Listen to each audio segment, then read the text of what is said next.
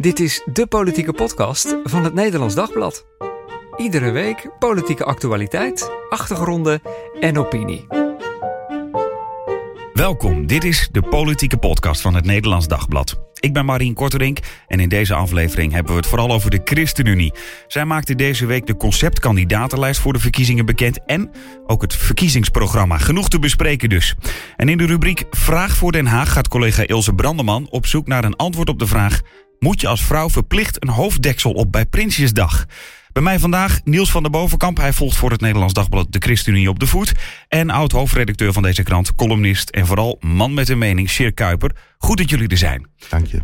Eerst even het nieuws van deze week. Onrust bij de Partij voor de Dieren. Deze week eh, werd bekend dat het bestuur van die partij Esther Ouwehand niet als lijsttrekker wil voor de verkiezingen. Ouwehand kreeg vervolgens heel veel steun vanuit allerlei hoeken. En uiteindelijk stapte het bestuur van die partij donderdag op. En dus is Ouwehand, zou je kunnen zeggen, gewoon weer lijsttrekker bij de komende verkiezingen.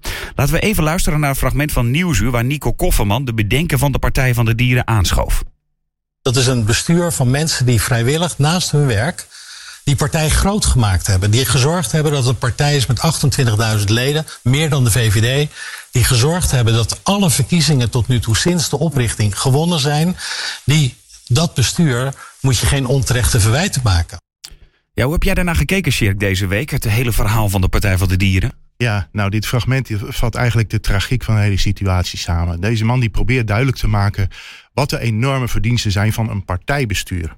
Alleen het drama is, niemand kent een partijbestuur. partijbestuur is dat een drama? Nou, uh, want daardoor staan ze enorm op achterstand ten opzichte van de bekende uh, uh, gezichten van de partijen. In dit geval met name lijsttrekker Esther Ouwehand. Zelfs Nico Kofferman, wat toch iemand is die niet alleen een oud-gediende is als, als bestuurder en oprichter, maar ook als, als Eerste Kamerlid is natuurlijk een, een onbekend gezicht relatief vergeleken bij, uh, bij Ouwehand. En op het moment dat een, een onbekend bestuur van mensen die goedwillende vrijwilligers zijn, die de partij een beetje draaiend houden, een, uh, een serieus probleem meent te hebben met uh, de lijsttrekker zijn ze toch eigenlijk machteloos om die lijsttrekker, uh, uh, ja, om daarvan te zeggen van dit is gewoon niet meer de goede vrouw om de partij te leiden. Het is een soort, soort naïviteit van met de rug naar de buiten staan, waardoor ze gedacht hebben dat ze dat wel konden. Wat mij anderzijds wel opvalt, is dat met name de media ook heel erg opzichtig de kant van uh, oude hand kiezen. Uh, de manier waarop de media erover bericht hebben, was echt volledig van ja, een bestuur dat doet iets heel onoorbaars. Die, die, die maar het kwam toch ook een beetje uit het niks wel, in die zin? Ja, maar daar kun je tegelijk van zeggen. Ze hebben dus kennelijk, zijn kennelijk jarenlang in staat geweest om problemen binnen kamers te houden. En dat hebben we in het verleden ook gezien. Want de eerste fractie van Partij voor de Dieren, dat waren Marianne Thieme en Esther Ouwehand van 2006 tot 2010, bleek pas aan het eind van die periode dat die twee een heel fundamenteel verschil van opvatting hadden over politiek bedrijven. Het bestuur besloot toen om te zeggen van nou, volgens mij moet de oude hand niet meer op de lijst zitten. De, de leden beslisten anders. En ze gingen gewoon weer verder. Ze vormden weer een fractie. En ze hebben nog negen jaar uh, samengewerkt. Ik weet niet hoe harmonieus, maar naar buiten waren ze in ieder geval een stevige fractie. En na negen jaar heeft Esther Ouwehand vlekkeloos het stokje kunnen overnemen van Marianne Thieme. Dus dit is een partij die, uh, die kennelijk een goed functionerende democratie heeft. Want de leden hebben destijds gezegd van mm -hmm. Ouwehand moet wel op de lijst. En het is gewoon gebeurd. Het is een partij die kennelijk goed in staat is om intern een verschil van mening te houden. Maar het is richting de verkiezingen geëscaleerd. En dat is weer niet zo verwonderlijk, want uh, de Partij van de Dieren staat op enorme. Uh, nou, staat winst. opnieuw op winst. Dus het zag er naar uit dat ze, dat ze misschien wel negen zetels kunnen houden. Nou, we weten allemaal dat op het ogenblik. Uh, na deze verkiezingen komt elke serieuze, fatsoenlijke partij, en daar mag je de Partij voor de Dieren toe uh, rekenen, komt in aanmerking voor kabinetsdeelname. Nou, als je een fundamenteel verschil van inzicht hebt over de mate waarin je als partij bereid moet zijn tot compromissen te sluiten. Want dat lijkt te spelen, daar, hè? Ja, ja, daar gaat het echt heel nadrukkelijk over. Van, is dit een compromisloze getuigenispartij? Een partij die er alleen maar is om een visie uit te dragen en daarmee anderen te beïnvloeden. En daarmee, zeg maar, consequent een probleem op de agenda te zetten. Dat, daar zijn ze enorm goed in geslaagd. Wat ze ook wel eens bij christelijke partijen zeiden. Hè? Die, die Ja, alleen inderdaad. het evangelie wilden Ja. brengen. En zeiden van ja, we gaan natuurlijk geen... Jezus leeft bijvoorbeeld ook, hè? Ja. Ja, en, eh, en zodra christelijke partijen wel gingen besturen, kwam er ook altijd vanuit de achterban de vraag van ja, maar hoe kunnen jullie nou in een kabinet stappen terwijl de abortuswetgeving niet wordt teruggedraaid? Daar waren we toch altijd tegen. Hè? Dus de christelijke partijen hebben al lang eigenlijk die fase meegemaakt. Ook de SGP, want die zit in allerlei plaatselijke colleges en moet daar soms ook dingen slikken Ja, ja. die voor hun heel onverteerbaar zijn. En jij zegt nu eigenlijk van Esther Ouwehand, die heeft, eh, ja, die iedereen kent haar. Ze, ze- de media zijn een beetje Ja. op haar. En jij wilt een beetje opnemen voor het bestuur. Nou ja, inderdaad. om- omdat ik eh, een zwak heb voor mensen die op de achtergrond zonder betaling. Want nogmaals, de, eh, de Kamerleden zijn gewoon betaalde professionals full- met een fulltime baan. Maar dit zijn mensen die het in hun vrije tijd moeten doen. Die inderdaad een partij groot maken, maar het wordt hen niet toegerekend. En dat vond ik het leuke waarom ik dit fragment uitkoos. Kofferman die zegt hier van het bestuur heeft de partij groot gemaakt. In de beleving van iedereen in Nederland heeft Marianne Thieme en vooral daarna Esther Ouwehand de partij groot gemaakt. Hoezo het bestuur? Ja, maar het bestuur heeft er wel voor gezorgd dat er een organisatie staat met 25.000 leden. Waarvan je inderdaad kunt zeggen van oh, dat is een hele volwassen partij. Ze hebben meer leden dan de VVD. Dus het is een hele krachtige organisatie die tot nu toe in staat is geweest om meningsverschillen te overwinnen.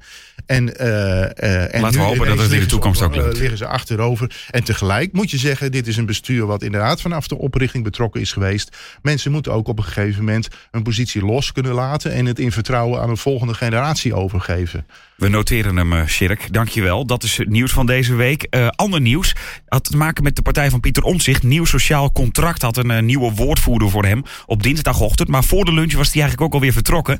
En ik noemde direct eventjes bij. In diezelfde categorie, Jessin Kandan stond op de kandidatenlijst bij D66, maar is er alweer af. Ze noemde in columns die ze schreef D66 een hypocriete partij. En Kaag was een fars als leider. Dat kwam allemaal naar boven deze week. Hoe heb jij daarnaar gekeken, Niels? Ja, om met dat eerste geval te beginnen. Onno Aarde inderdaad, die een eh, communicatiestratege... eh, die misschien wel het kortste dienstverband ooit eh, aan het Binnenhof heeft gehad. Die was inderdaad aangesteld als nou, de nieuwe communicatiechef voor de partij van Pieter Omtzigt. Maar goed, toen, die ochtend, toen hij zou beginnen, enkele oude tweets van hem opdoken. waarin hij onder andere de BBB van Caroline van der Plas een gezwel noemde. Toen was dat dienstverband ook weer heel snel over. Ik moet zeggen, ik denk dat ze bij de Partij voor de Dieren met eh, enige jaloezie hebben gekeken naar het crisismanagement van, eh, eh, ja, van Omtzigt. Want eigenlijk hebben die het heel klein gehouden en hebben ze gewoon heel kordaat gezegd van dit past niet bij onze partij. Dit willen we niet. Binnen een ochtend ja, was eigenlijk alles gedaan. En Ik zag twee tweetjes van Onno Aarden achter elkaar. De eerste was leuk dat ik in Den Haag mag beginnen. En die, die daarna was van het was een kort dienstverband. Ja, klopt. Ja, nee, het is inderdaad heel snel gegaan. En ja, nogmaals, ik, ik denk dat heel veel partijen kunnen leren van de manier waarop eh, ja, Pieter Omtzigt eh, eh, hiermee is omgegaan. Door het heel klein te houden en door te zeggen van dit accepteren wij niet. We gaan het verder ook niet groter maken dan het is. En eigenlijk zag je dat, dat smiddags al niemand het er meer over had. Dus Ja. Maar er wordt dan wel gezegd van, hey, komt dat doordat het een nieuwe partij is, dat ze slecht research kunnen doen, dat ze dat niet wisten en zo. Dat is ook bij D66 dus het geval. Dat ze niet wisten dat zo'n kan dan, dan allemaal dingen over een partij heeft gezegd. Ja, je ziet natuurlijk bij alle partijen dat er grote tijdnood is. En, en ja, dat, dat ze hun handen vol hebben aan eh, ja, überhaupt kandidaten om daarmee te praten. En om, om de juiste mensen te werven. En eh, ja, een onderdeel daarvan is tegenwoordig ook sociale media afspeuren. En dat is nog niet zo makkelijk natuurlijk. Want soms gaan die tijdlijnen van mensen misschien wel 10, 15 jaar terug. En ja, da- daar kan natuurlijk altijd wat tussen glippen. Of je hebt En- zelf een tweetje verwijderd, maar daar heeft iemand anders hem toch nog Precies. opgeslagen. Ja, ja. Ik moet één ding zeggen, eh, Niels. Dat, kijk, je prijst terecht hoor het, eh, de, de snelheid van handelen van omzicht. Maar hij staat ook op voordeel, omdat hij nog geen democratisch georganiseerde partij heeft. Hij is in feite de alleenheerser die gewoon eh, kan zeggen van... er wordt een probleem op zijn eh, bord gelegd van... hé, hey, die Onno die is, heeft toch wel gekke dingen gedaan. Eh, hij hoeft er maar eh, twee minuten over na te denken... en kan vervolgens dat besluit ook nemen. Het gaat bovendien om een freelance werknemer. eh, hè, iemand die in opdracht van de partij iets zou doen. Dat is wel iets anders dan een kandidaat... die via een democratische selectieprocedure op de lijst is gekomen. Ja, absoluut, Wat wel ja. des te belastender is natuurlijk. Ja. Want die Maar wel adequaat gehandeld, want je moet dat niet te Ja. lang laten sudderen Ja, natuurlijk. Nee, maar kijk, die selectiecommissie van D66 is iets anders dan eh, eh, de Ja, Kamerfractie die Ja. een communicatie. Ik, ik denk dat tegelijk ook, ook veel mensen begrip hebben. Inderdaad, de, de, ja, Omtzigt is natuurlijk op dit moment een, eh, een partij eh, uit de grond aan het stampen. Iedereen weet eh, hoeveel kandidaten zich daar hebben gemeld. Dus ja, dat, dat, er dan af en toe wat tussendoor glipt, dat is wellicht ook te verwachten. Over dat verhaal van die Jessen Kandan, dat is wel illustratief voor wat je tegenwoordig voor een opportunistische partijhoppers hebt. Hè. Zij heeft ooit bij het CDA geprobeerd. Uh, het schijnt dat ze zelfs sollicitatiegesprekken heeft gehad met Forum voor Democratie in 2018. En nu stond ze dus bij D66. Nou ja, uh, ik denk dat de grootste zorg van om zich ook is van hoe stel ik een lijst samen zonder mensen waar straks ook van bekend wordt dat ze al bij vijf andere partijen hebben geprobeerd. Ja, klopt. Bij haar vond ik het wel erg opmerkelijk dat ze er doorheen is geglipt. Want zij uh, schreef uh, columns voor RTL Nieuws en die waren met regelmaat ook vrij pittig. En, ja, die quotes die ik noemde, onder andere kwamen daar vandaan. Ja. Precies, Sigrid Kaag als, als heks, dat soort dingen, dat stond voor veel mensen nog redelijk in het geheugen, maar blijkbaar niet bij D66. Dus dat was wel opmerkelijk. Ja, gaat ongetwijfeld nog vaker gebeuren de komende weken. Hey, ik wil het hebben over het hoofdonderwerp deze week, de ChristenUnie. Uh, ze maakte deze week een verkiezingsprogramma bekend en de kandidatenlijst. Ik stel voor dat we beginnen met de kandidatenlijst. Dat Mirjam Bikker de lijsttrekker zou worden, dat wisten we natuurlijk al. Op twee staat uh, dit jaar Pieter Grinwis. Op drie Don Seder. Beide zitten nu ook in de Kamer. En op vier en vijf vinden we twee nieuwe namen terug. Alwin de Rietstap, nu wethouder in Hardenberg. En Joelle Gooyer, wethouder in Delft. Ik moet zeggen, Niels, ja, het verraste me wel een beetje. Twee relatief onbekende namen in de top 5. Ja, dat kan ik me voorstellen. En uh, ja, als je kijkt naar de opdracht die het uh, bestuur had gegeven aan de selectiecommissie, dan is het misschien iets minder uh, verrassend. Want zij hadden gezegd, we willen ja, eigenlijk een, een balans vinden tussen vernieuwing van kandidaten en tussen continuïteit. Nou, als je die top 5 bekijkt, dan, dan is dat ook gebeurd. Drie om twee. Drie om twee, inderdaad. En uh, qua nieuwe kandidaten zijn inderdaad nog wat minder bekend. Ze hebben wel allebei al een keer eerder op de kandidatenlijst gestaan van de ChristenUnie. Uh, Rietstap die stond in 2021, stond die geloof ik op plaats 17 van de lijst. En Joelle Gooi die stond bij de verkiezing van 2017 op plaats 10. Dus in die zin zijn het geen uh, onbekenden binnen de partij. Maar goed, het zijn wel twee relatief nieuwe gezichten. En waarom kiezen ze daarvoor?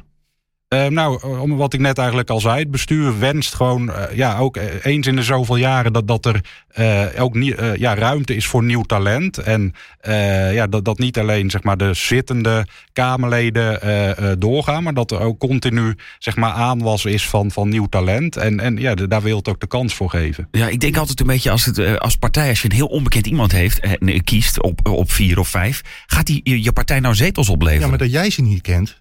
Dat wil niet zeggen dat ze onbekend zijn. Nee, maar... Nee, maar die Alwin Rietstap, dat is een wethouder... Uh, in Hardenberg. En, in Hardenberg en voormalig statenlid in Overijssel. Dat is een provincie waar de ChristenUnie heel veel aanhang heeft. Waar ze ook veel aanhang verloren heeft aan boer, uh, boer-burgerbeweging.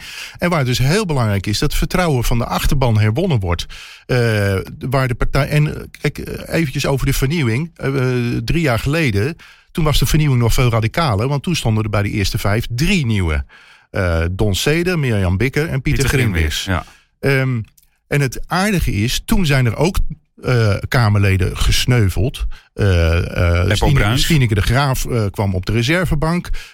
Apple Bruins viel eruit. Apple Bruins is nu de voorzitter van de selectiecommissie. Die heeft zelf meegemaakt dat hij na een aantal jaren van goede diensten helaas niet meer op een hoge positie komt. Omdat zijn profiel kennelijk niet bijdroeg aan de, voldoende bijdroeg aan wat de ChristenUnie wilde presteren in de Tweede Kamer. Uh, toen hebben ze Mirjam Bikker en Pieter Grinwis heel hoog gezet. Dat waren mensen met juist enorm veel ervaring in Den Haag. Die zijn in 2003 al als stagiair begonnen, allebei. Hebben, zijn beleidsmedewerker geweest. Uh, ze zijn raadslid geweest. Uh, Bikker is Eerste Kamerlid geweest. Dus dat waren echt beroepspolitici. Dat waren, dat, die, die, die waren helemaal Den Haag, ver, vergroeid ja, met het ja. Binnenhof. En kennelijk heeft de partij nu geconstateerd van ja, die vergroeiing met het Binnenhof, die doet ons niet goed. We moeten ook laten zien dat we mensen uit de regio, die daar hun netwerk hebben, die daar hun verdiensten hebben, dat die ook in Den Haag komen. Dus dat, dat er nu ik. juist uh, ja, twee wethouders uh, uit het land worden gehaald, is een hele begrijpelijke move. Dat snap ik. Alleen uh, dan wordt een beetje soms gezegd van we moeten niet iemand uit de Randstad hebben, want die eerste drie staan komen uit de Randstad dan bijvoorbeeld. Maar iemand uit Hardenberg, spreekt hij ook mensen in, bij wijze van spreken, Staphorst of, of Veenendaal aan, omdat hij niet uit de Randstad komt? Nou, in Staphorst zeker, want het is dezelfde provincie Overijssel waar hij dus statenlid is geweest. Dus nogmaals, Overijssel is een hele belangrijke provincie voor de ChristenUnie. Dus uh, dat ze juist iemand uit Overijssel halen, wat ze in het verleden ook altijd deden. Uh, Arie Slop kwam met Overijssel, Esme Wiegman kwam met Overijssel. Uh, er is altijd een sterke inbreng geweest Misschien vanuit Zwolle en het achterland daarvan. Misschien onderschat ik de kiezer dat ik denk, ja, wie kent alle provinciale statenleden nou? Of... Exact. Ja. ja, onderschat ik de kiezer? Ja, dat denk ik. Met, nou, met name de, de trouwe achterban van de partij. Kijk, of het, of het, of het helemaal nieuwe uh, mensen zou aantrekken. Kijk, ideaal is een Kamerlid wat ook voorkeurstemmen van buiten de traditionele achterban van de partij binnenhaalt. En ik ben heel benieuwd of Stineke van der Graaf dat gaat doen bijvoorbeeld. Die heeft juist haar verdiensten gemaakt als uh, uh, lid van de parlementaire enquêtecommissie naar Groningen. Komt ze ook vandaan, hè? Uh, ja, inderdaad. Ze, ze woonde er in ieder geval. Uh, ze is niet een geboren Groningse, hoor, dus in die nee. zin. Maar, maar de, de vraag zal nu zijn. Ik, ik denk dat zij, zij, moet bewijzen eigenlijk dat ze door de manier waarop ze voor Groningen is opgekomen, haar uiteindelijk ook een krediet heeft opgeleverd. Wat niet alleen ChristenUnie-stemmers oplevert, maar wat zelfs mensen misschien wel van buiten de partij ertoe beweegt om te zeggen van ja, die de Graaf die heeft zich zo goed ingezet voor, uh, voor ons in Groningen. Die stem ik. Ja, want Niels, hoe heb jij daarna gekeken? Stineke van der Graaf, ze was wel een beetje teleurgesteld, hè? Ja, zeker. Dat was ook misschien wel de grootste verrassing uh, van, van de kandidatenlijst. Dat zij op, op plaats 9 is gezet, inderdaad. Ze is nu Kamerlid, inderdaad. Ze, ze dacht misschien top 5. Exact, daar zal ze op gehoopt. Hè, maar ze is op een negende plaats neergezet. Daarover zei ze deze week ook ja, dat ze het eerlijk gezegd niet had verwacht. Dus daar klinkt die teleurstelling natuurlijk ook al enigszins in door.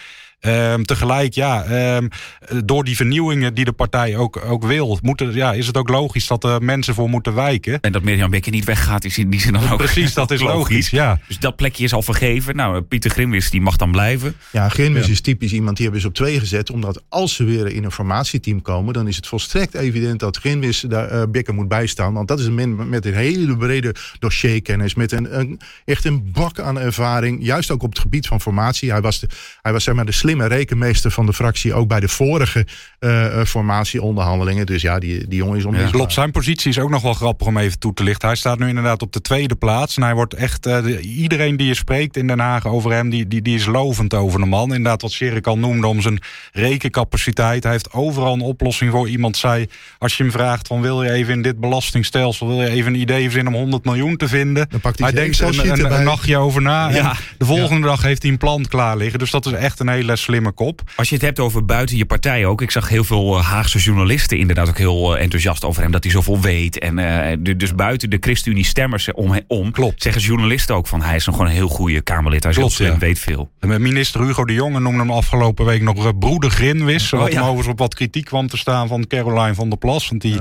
zag daar niet helemaal de grap van in. Maar het, het, het klopt dat, dat Grinwis binnen en buiten de partij echt geliefd is. Maar voel je nou, Marien, dat jij dus ernaar kijkt met de ogen toch ook een beetje van de journalist die zegt van ja, maar die man is in Den Haag bekend. Uh, en uh, wat moeten ze nou toch met een wethouder uit Hardenberg? Ik denk dat, dat die partij heel goed nagedacht heeft over van ja, maar we hebben ook kiezers te winnen, inderdaad, die, die niet vanuit met die Haagse uh, interesse en betrokkenheid kijkt en denkt van oh.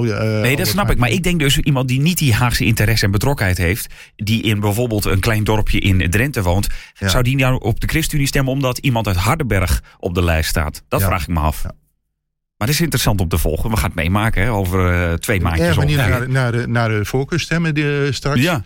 Ik ben ook ja. benieuwd wat, wat Nico Drost, want die, want die staat op zes, genoemd, Die staat op zes. Die reageerde juist heel enthousiast van, nou, ik krijg in ieder geval kans. Ja, ik denk eerlijk gezegd dat het voor hem ook misschien wel een betere uitkomst was dan verwacht. Want we hebben het gezegd, met alle nieuwelingen die ook op de lijst staan, had hij misschien wel gedacht, nou, het zou me niet verbazen als ik op plaats 7, 8, 9 sta. En dan is een zesde plaats, nou, toch nog met enige uitzicht op een uh, zetel zal het heel moeilijk worden. Ik denk dat dat uh, uiteindelijk nog hoger is dan hij misschien wel zelf en verwacht En hij heeft. heeft waarschijnlijk, zoals velen verwacht, dat Maarten van Ooyen, de staatssecretaris, hoog op de lijst zou komen op nummer twee. En wat zeer edelmoedig is, is dat Van Ooyen heeft gezegd van, ik voeg niet datgene toe aan de fractie uh, wat ze nodig heeft. Hij heeft zich gerealiseerd van, juist met mijn Haagse gezicht en ervaring, kan ik dan wellicht een, een bekende politicus zijn. Maar de partij heeft op het ogenblik iets anders nodig. En misschien dat hij ooit wel weer een aanmerking komt van bewindspost als ze weer gaan formeren. Maar dat hij dus afziet van de mogelijkheid om Kamerlid te worden. Heel bijzonder. Ja. Denk, denk jij dat, uh, Niels, dat uh, Stineke van der Graaf ook echt een eigen campagne dan gaat starten om zeg maar te zeggen van ik vind dat ik in de Kamer moet? Nou, ik heb haar de afgelopen weken uh, vrij uitvoerig gesproken over, nou ja, over dit hele gebeuren. En, na, naast die teleurstelling zag ik bij ook wel echt strijdvaardigheid om ook weer ja, gewoon uh, alles wat ze in zich heeft om dat in te zetten voor de ChristenUnie en voor die verkiezingen. Er zijn meerdere manieren om dat te doen. Uh, via het congres uh, is nog een, een mogelijke route. Die kunnen hun stem ook nog uitspreken daarover. Gaat op 30 september gebeuren. Hè? Gaat inderdaad op 30 september gebeuren. En die andere route is inderdaad via voorkeurstemmen. Zij heeft in het verleden al meerdere keren echt nou, flink wat voorkeurstemmen gehad. Dus dat kan ook nog een route voor haar zijn om alsnog in de Kamer te belanden. Zowel voorkeurstemmen als congressen kunnen heel pijnlijke dingen teweeg terugbrengen. Want er wordt altijd iemand het slachtoffer van zo'n actie. we hebben in 2010 meegemaakt dat Cynthia Ortega door het congres hoger op de lijst werd gezet. En ondertussen zat ergens in een hoekje van de zaal, zat bij wijze van spreken Ed Anker, die zat te janken. Want die stond al zo laag en die zakte nog verder. en hetzelfde geldt voor de voorkeursacties. Tineke Huizinga is twee keer met voorkeurstemmen uh, gekozen. Ten koste van Dick Stellingwerf, van Arie Slop, van Eimert van Middelkoop en Leen van Dijken. Dus dat was een slachting. Maar dat is het lastige dus ook. Want als de nummer 10 bij wijze van spreken campagne gaat voeren, moet je eigenlijk als nummer 4 zeggen: ik ga ook campagne voeren, want ik word anders de dupe van de nummer 10. Iedereen moet je eigen, in de partij. Iedereen moet zijn eigen mandaat verwerven en, en zijn eigen achterban. Hoe schat je dat in nu, Sjerik? Denk je dat er nu weer gereden kans is dat, uh, ja, dat zo'n scenario uh, zich voltrekt? Dus dat inderdaad bijvoorbeeld iemand als Tineke van der Graaf omhoog geplaatst wordt? Door ik denk congres? Via het congres. Uh, maar voor, uh, voorkeurstemmen is wel een reële mogelijkheid. Omdat ze dus de vorige keer er al redelijk dichtbij de drempel voor voorkeurstemmen zat. En nogmaals, ze zal erin moeten slagen om, om mensen van buiten de ChristenUnie zover te krijgen om vanwege haar inzet voor Groningen op de ChristenUnie te stemmen. En dan op kandidaat De Graaf. En dan, en dan, eh, maar dat is het lastige. Je kan dat, dan kom, kom je voor de ChristenUnie bij wijze van spreken straks in de fractie. Die hadden een idee met de lijst, met die nummer 5 waar we het net over hadden. Dat moeten de, bij wijze van spreken mensen zijn die niet in de Randstad wonen. Hè? Hardenberg, uh, noem het maar op. Uh, en, en die val valt, zou er dan uitvallen. Ja, maar dat is het mooie van democratie. Dat de kiezer iets anders kan beslissen dan dat een partijbestuur heeft bedacht. Ja. Kijk, een partijbestuur probeert te anticiperen en, en uh, op de wensen van de kiezer. En als kiezer vervolgens anders beslist, ja, dan is dat, uh, dat is heel mooi. Tegelijk is dat ook het harde van de politiek. Hè? Ik bedoel, tegen Stineke van der Graven is uh, uiteindelijk gewoon de boodschap gegeven van ja, wij denken dat, uh, dat andere mensen binnen de ChristenUnie het geluid van de ChristenUnie beter uit kunnen dragen. Dat is natuurlijk best wel een harde boodschap, maar ook wel iets ja, waar je tegen bestand moet Niels, Een vrouw van 38 die zes jaar lang Kamerlid heeft mogen zijn, een hartstikke mooie baan heeft gehad. Iedereen die in Den Haag op een lijst wordt gezet, moet heel erg blij zijn dat je die kans krijgt. En zich ook realiseren dat die kans met zeker, 1, zeker. 2, 4, 6 jaar verkeken kan zijn. En dat je dan weer iets anders moet zoeken in de maatschappij. Absoluut. Tegelijk denk ik dat het ja, niemand in de koude kleren gaat zitten als je, als je na die zes jaar waarin je ja, je uiterste best hebt gedaan, dat je dan zo'n boodschap te horen krijgt. Ja, het is een, je krijgt ontwenningsverschijnselen, want Den Haag is super verslavend. Maar uh, nogmaals, ze moeten mensen juist ertoe opleiden om te realiseren van dit is een uh, carrière die niet mijn leven lang duurt. Den Haag is een fase. En juist de ChristenUnie heeft ervaring met mensen die hun hele leven in Den Haag hebben gesleten. En dat is te lang eigenlijk? Eimert van Middelkoop, die als fractiemedewerker begon, Kamerlid werd. Uh, en vervolgens, uh, nou, nou, nou zeg, op een gegeven moment moest hij de Kamer uit. Nou, binnen de kortste keren werd er een Eerste Kamerzetel voor hem geregeld. En vervolgens mocht hij minister worden. En nou zit hij uh, gepensioneerd thuis en zou hij nog het liefst hebben dat we hem opbellen om zijn mening overal over te vragen. Dat is dus niet meer van deze tijd. Ja, is dat zo? Je wilt toch ook ergens ervaring hebben? Ja, ervaring, maar ook levenservaring. Ook uh, ervaring vanuit het land. Vanuit niet het bedrijfsleven. Alleen, niet, niet, alleen de professionele ervaring van. Nogmaals, een, een figuur als Grinmens is hartstikke belangrijk voor de partij. Want die, dat, dat is inderdaad een ambachtelijk politicus die tot in de toppen van zijn vingers heeft. Maar je moet ook volksvertegenwoordigers hebben. De Tweede Kamer is de volksvertegenwoordiging. We hebben zat ambtenaren die ook met Excel sheets over de weg kunnen. Daarnaast heb je mensen nodig die vanuit het volk, vanuit het land uh, de stem van het volk vertegenwoordigen. En wat dat betreft, als je die top 5 dan zo al met al bij elkaar bekijkt, heb je een goede balans. Dat denk ik wel, ja. ja op, op heel veel gebieden wel. In ieder geval, je noemde het wel even qua Randstad uh, versus platteland is het misschien enigszins uit balans, die top 5. Want de eerste vier kandidaten wonen allemaal in een stad in ieder geval. Ja, Joelle Gooien kwam uit Delft. Komt uit Delft, mij. inderdaad. Ja, ja. Ook betrekkelijk. Hè. Ik bedoel, uh, Mirjam Bikker is opgegroeid op de Veluwe. Is een Nunspeetse in hart en nieren. Ja. Maar wel... daarom was het daar ook uh, in Nunspeet. Dat exact. doen ze wel expres, denk ik, zo van... Uh, we Heel zitten niet in Den Haag. inderdaad. Van, in wijkcentrum het Binnenhof uh, ook nog eens. Ja. ja, dat vond ik een leuk grapje. Dat, dat, je, dat het wijkcentrum het Binnenhof heette. Maar goed. Zometeen praten we door over het programma van de ChristenUnie. Want is deze week ook bekend geworden. Eerst Ilse Brandeman die op zoek gaat naar antwoorden in Den Haag. Vraag het Den Haag. Vandaag ben ik op zoek naar een antwoord op de vraag of je als vrouw op Prinsjesdag een hoedje op moet.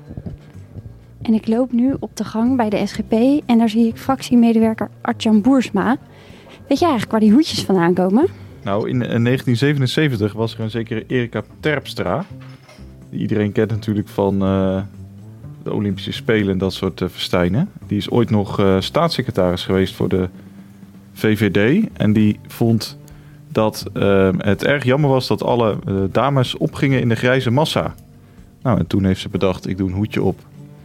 En eh, in de loop der jaren volgden steeds meer vrouwen haar voorbeeld. En tegenwoordig is het een hoedjesparade. Roelof Bisschop, Kamerlid van de SGP. Ja. Vindt u dat vrouwen op Prinsjesdag een hoedje moeten dragen? Nee, ik laat het helemaal aan zelf. Het is geen kerkdienst, dus eh, ze mogen het helemaal zelf weten. U bent het wel gewend van een zondag, dat iedereen keurig een hoedje op. Ja, nee, dat, ik vind dat eh, een mooie traditie. En eh, dat is ook een beetje geboren vanuit een Bijbelse notie die men in 1 Korinthe leest. Maar die Bijbelse notie is op Prinsjesdag niet per se nodig. Nee, dat is geen ambtelijke, geen kerkelijke bijeenkomst. Hè. Dus die, die, die, Bijbelse notie die geldt alleen voor de samenkomsten in kerkelijk verband. Dus eh, Bij de SGP denken ze vaak totaal anders dan bij de SP. Dus ik wil daar even heen lopen om te kijken of ze hetzelfde standpunt hebben wat betreft hoedjes voor vrouwen. En ik denk dat ik even op zoek ga naar Peter Quint. Want die staat bekend om zijn kledingkeuze in de Tweede Kamer. Ja, maar niet om mijn hoedjes. Nee. Om wat dan wel? Eh, ja, om het feit dat ik eigenlijk bijna nooit een jasje aan heb in de kamer. Wat vindt u? Moeten vrouwen naar Prinsjesdag een hoedje op? Nee. Nee, ik, ik, ik, ik moet heel eerlijk zeggen dat Prinsjesdag sowieso niet mijn favoriete dag van het jaar is. Om alle tradities en zo? Of? Ja, en ook gewoon omdat je een vergadering hebt van de Kamer waarbij je eigenlijk niks mag zeggen. Je bent alleen maar aan het luisteren. En ja, dat is, dat is niet mijn sterkste kant. En denkt u dan wel na over uw eigen kledingkeuze, wat u dan aan gaat doen? Ik, heb nog, eh, ik heb nog geen keuze gemaakt, nee. En het is, ook, het is ook niet alsof er al drie setjes klaar liggen. Dus ik, eh, ik loop dinsdagochtend wel even langs mijn kledingkast en dan kijk ik wel. En dan ga ik nu nog op zoek naar een vrouw die niet op dinsdag pas denkt wat ze aan gaat doen. Ik ben op zoek naar Kamerlid Sylvana Simons van Bijeen. Gaat u een hoedje op doen volgende week? Dat laat ik nog even in het midden. Laat ik zeggen dat ik in ieder geval wel bezig ben met een hoofddeksel. Kunt u misschien toch een tipje van de sluier geven over eh, wat het wordt volgende week? Nee. nee, dat wil ik niet. Nee, ik, ik, vind het leuk om mensen te verrassen. En eh, laat ik zo zeggen dat ik de afgelopen keren eh, veel aandacht heb besteed aan Prinsjesdag. En dat ik dat dit jaar ook weer zal doen.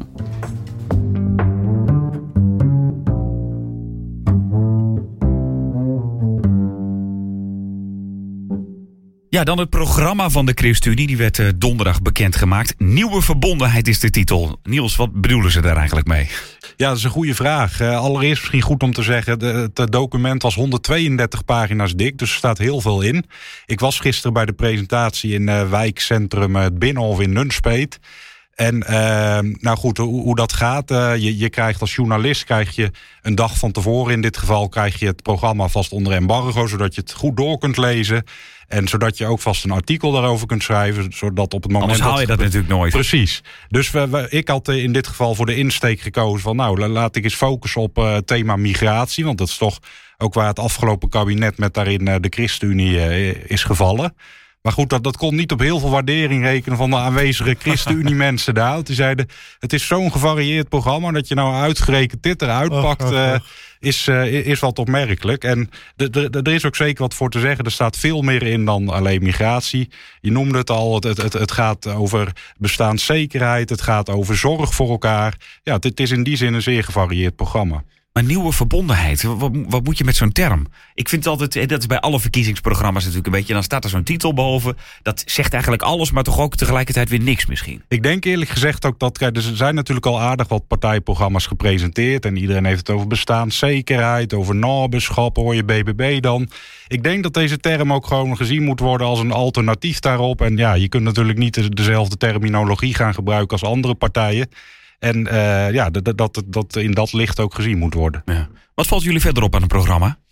Ja, ik vind zelf uh, een, een voorstel als van een minimumloon naar 18 euro.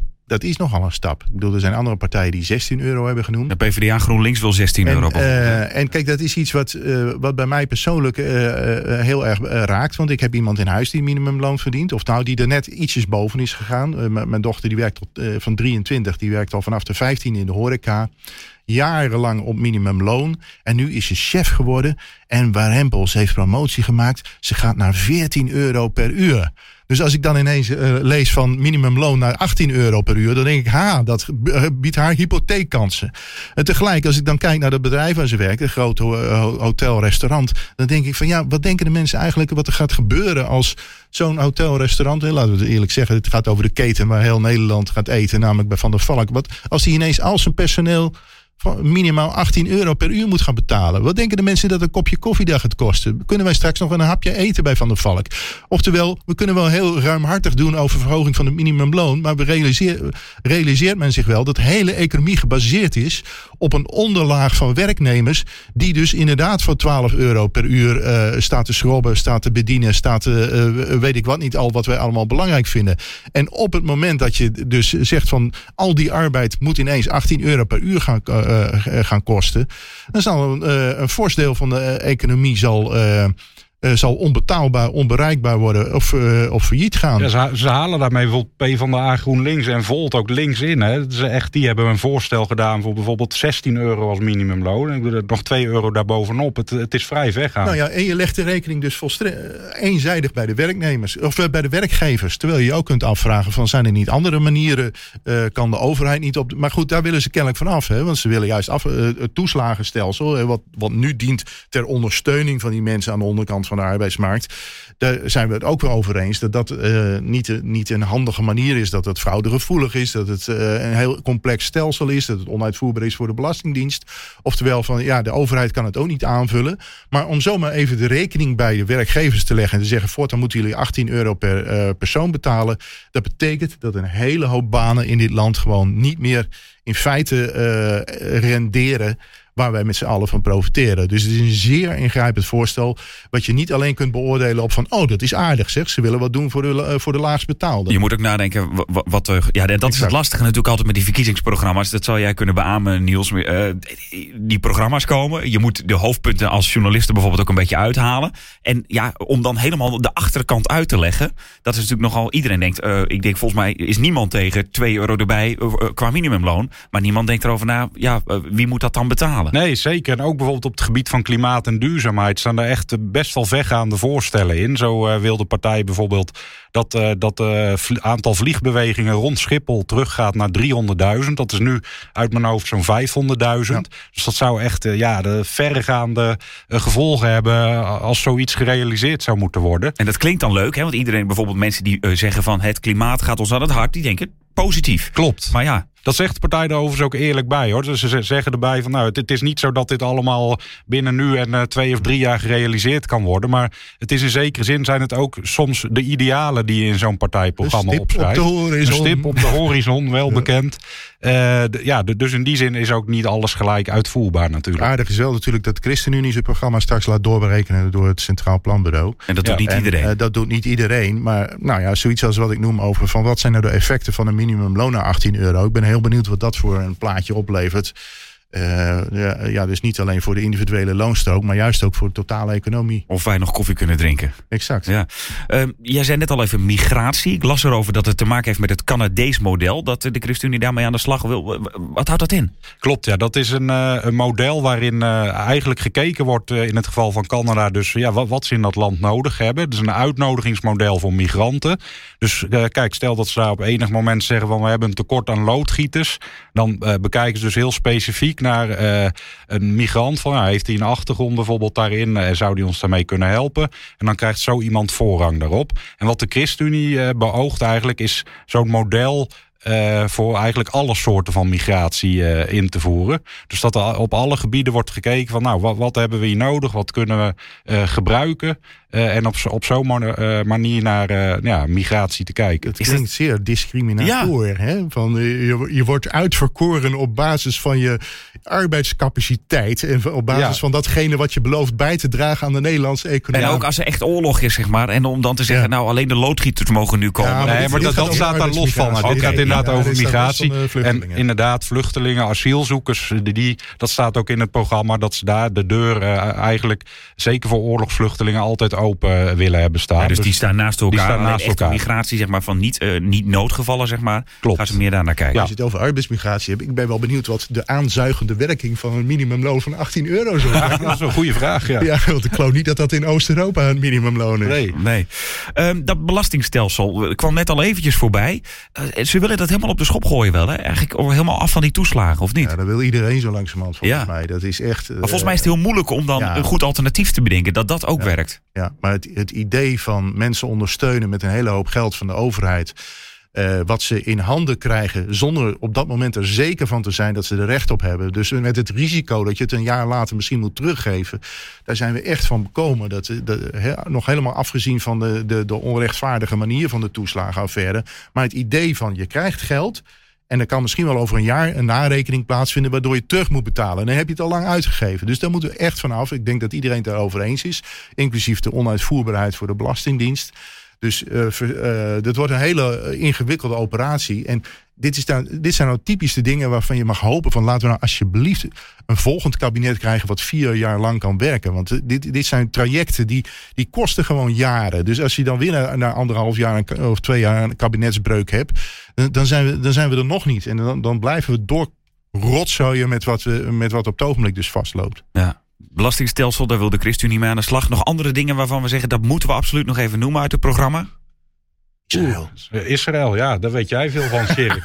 nou ja, weet je, het grappige is, de ChristenUnie heeft gewoon een eeuwigdurende band met, zou ik zeggen, met Israël. Maar vooral in de zin van een complexe relatie. Want ze hebben daar nog wat veranderd, hè, in het Ja, uh, ze hebben programma. daar heel subtiel wat in zitten, in, in zitten rommelen. Uh, in het vorige programma kwam het woord nederzettingenbeleid nog voor. Nou, daarvan uh, waren echt in de partij die zeiden van ja, dat, dat is gewoon een, uh, een verzachtende uitdrukking voor, voor het. Voor de annexatie, sorry. Dus er stond in het vorige programma stond een uitdrukking als nederzettingenbeleid zeer omstreden. Maar de zin die gewoon altijd als een soort shibboleth in de, het programma heeft gestaan, namelijk de Nederlandse ambassade moet verplaatst worden naar Jeruzalem de ongedeelde hoofdstad van Israël. Dat is, dat is een soort geloofsuitspraak voor een deel van de achterban, met name die bij Christenen voor Israël zit. En het is heel opmerkelijk dat ook uh, de, de uh, communicatievrouw uh, van Christenen voor Israël, Sarah van Oort, dat hij ook op de lijst staat. Uh, op een min of meer een lijstduurspositie. 40 volgens nummer mij. 40. Ja. Dus dat is juist eigenlijk, dat is niet bedoeld om haar kan, uh, in de Kamer te krijgen, maar om te laten zien van kijk hier. Uh, dit vinden we zo belangrijk. Hè? Net zo goed als dat je een, een wetenschapper als Be Beatrice de Graaf als lijstduwer houdt. Zo haal je iemand van Christenen voor Israël. Die zet je als lijstduwer.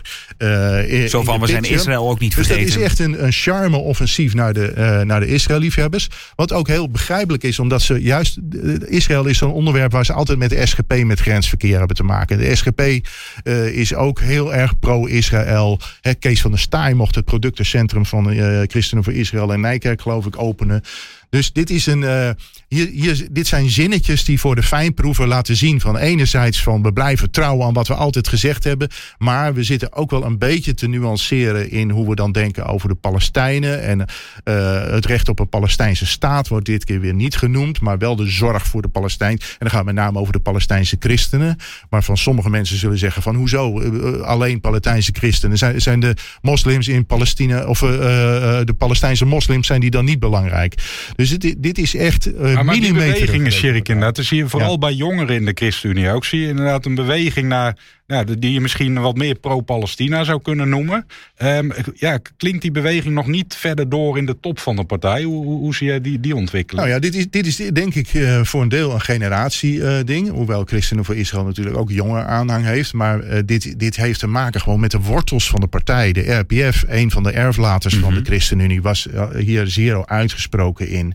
Uh, en ik denk dat ze met name die generatie van mensen de geruststelling willen geven van wij staan nog ja. altijd pal voor Israël. Terwijl ze en, tegelijkertijd natuurlijk die jongere groep die misschien inderdaad er wat uh, sceptischer tegenover staat ook willen bereiken.